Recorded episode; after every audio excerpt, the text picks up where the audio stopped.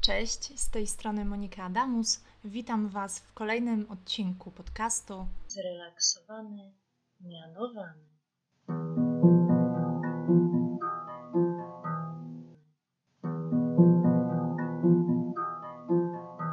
W tym odcinku omówię dla Was odpowiedzialność dyscyplinarną nauczycieli. Poza tym odpowiem na pytanie, które pojawia się na egzaminie, czyli co nam w ogóle daje uzyskanie stopnia nauczyciela mianowanego. Oprócz miliona złotych monet, a także ile czasu trwa ścieżka awansu zawodowego, bo to po prostu trzeba sobie usystematyzować i zapamiętać, i jak obecnie po reformie wygląda ustrój szkolny. Ja już wypiłam kawę, mam nadzieję, że Wy też albo jesteście w trakcie. Zatem, kto pyta, nie błądzi.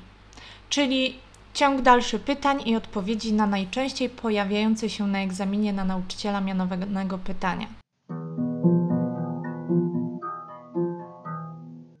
Pierwsze pytanie. Odpowiedzialność dyscyplinarna nauczyciela. Gdzie znajdziemy zapisy mówiące właśnie o odpowiedzialności dyscyplinarnej nauczyciela i jakie są kary dyscyplinarne dla nauczycieli? Informacje o odpowiedzialności dyscyplinarnej nauczyciela znajdziemy w ustawie Karta Nauczyciela, artykuł 75 i 76. Nauczyciele podlegają odpowiedzialności dyscyplinarnej za uchybienia godności zawodu nauczyciela lub obowiązkom, o których mowa w artykule 6 ustawy Karta Nauczyciela. O obowiązkach nauczyciela mówiłam w poprzednich odcinkach. Po drugie, za uchybienia przeciwko porządkowi pracy wymierza się nauczycielom kary porządkowe zgodne z kodeksem pracy. Kar porządkowych nie wymierza się za popełnienie czynu naruszającego prawa i dobro dziecka. O popełnieniu przez nauczyciela czynu naruszającego prawa i dobro dziecka dyrektor szkoły, a w przypadku popełnienia takiego czynu przez dyrektora szkoły organ prowadzący szkołę zawiadamia rzecznika dyscyplinarnego nie później niż w ciągu trzech dni roboczych od dnia powzięcia wiadomości o popełnieniu czynu.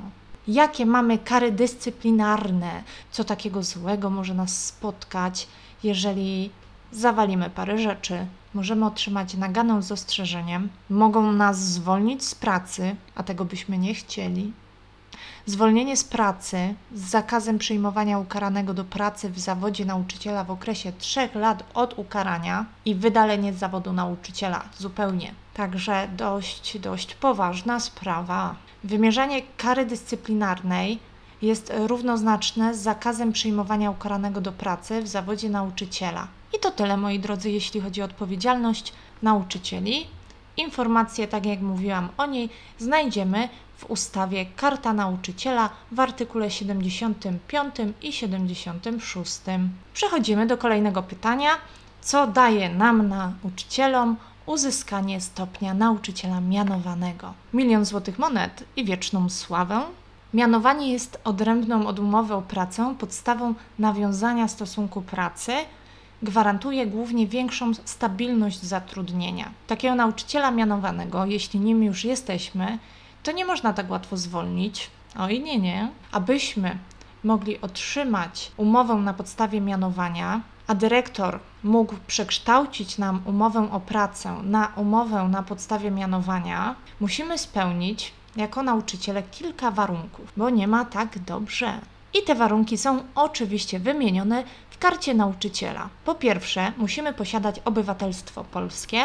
Po drugie, musimy mieć pełną zdolność do czynności prawnych i korzystania z praw publicznych. Wobec nas nie może toczyć się postępowanie karne w sprawie o umyślne przestępstwo ścigane z oskarżenia publicznego lub postępowanie dyscyplinarne. Nie możemy być skazani prawomocnym wyrokiem za umyślne przestępstwo lub umyślne przestępstwo skarbowe. Nie możemy być ukarani również karą dyscyplinarną.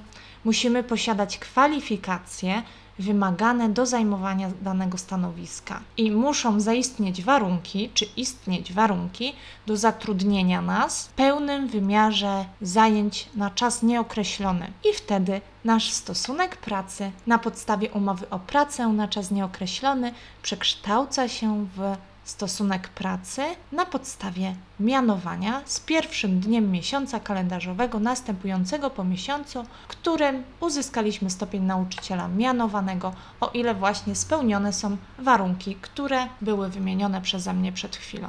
Kolejne pytanie, które może nam zadać komisja, to pytanie: proszę mi powiedzieć, ile czasu trwa ścieżka awansu zawodowego. Od 1 września 2019 roku trwa ona 10 lat. Od 1 września 2019 roku ta ścieżka wygląda następująco. Po pierwsze, staż na stopień nauczyciela kontraktowego trwa 9 miesięcy i jest zakończony rozmową, więc jest to taka jeszcze przyjemna rozmowa. Następnie mamy przerwę 2 lata. Zaczynamy staż na stopień nauczyciela mianowanego, który trwa 2 lata i 9 miesięcy i jest tym razem zakończony nie rozmową kwalifikacyjną, a egzaminem. Jeśli już uzyskamy ten stopień awansu zawodowego, mamy przerwę zasłużoną, jeden rok. Następnie zaczynamy staż na nauczyciela dyplomowanego, który również trwa podobnie jak na nauczyciela mianowanego 2 lata i 9 miesięcy i zakończony jest rozmową. I tyle. Więcej w szkole nie można. Wyżej nie zajdziemy. Dyplomowany jesteśmy wtedy mistrzami, znamy się na wszystkim. I ostatnie pytanie: jak obecnie po reformie wygląda ustrój szkolny? O co nas tu pytają? Jaki ustrój szkolny? Chodzi tutaj o to, że po pierwsze mamy ośmioletnią szkołę podstawową. Po tej szkole podstawowej mamy czteroletnie liceum ogólnokształcące, pięcioletnie technikum, trzyletnią branżową szkołę pierwszego stopnia, dwuletnią branżową szkołę drugiego stopnia, trzyletnią szkołę specjalną przysposabiającą do pracy i szkołę policealną. I to tyle myślę, słuchajcie, na dzisiaj. Miało być krótko i na temat, więc pijcie kawkę, słuchajcie, uczcie się powolutku i życzę Wam miłego dnia. Do usłyszenia. Zrelaksowany, mianowany.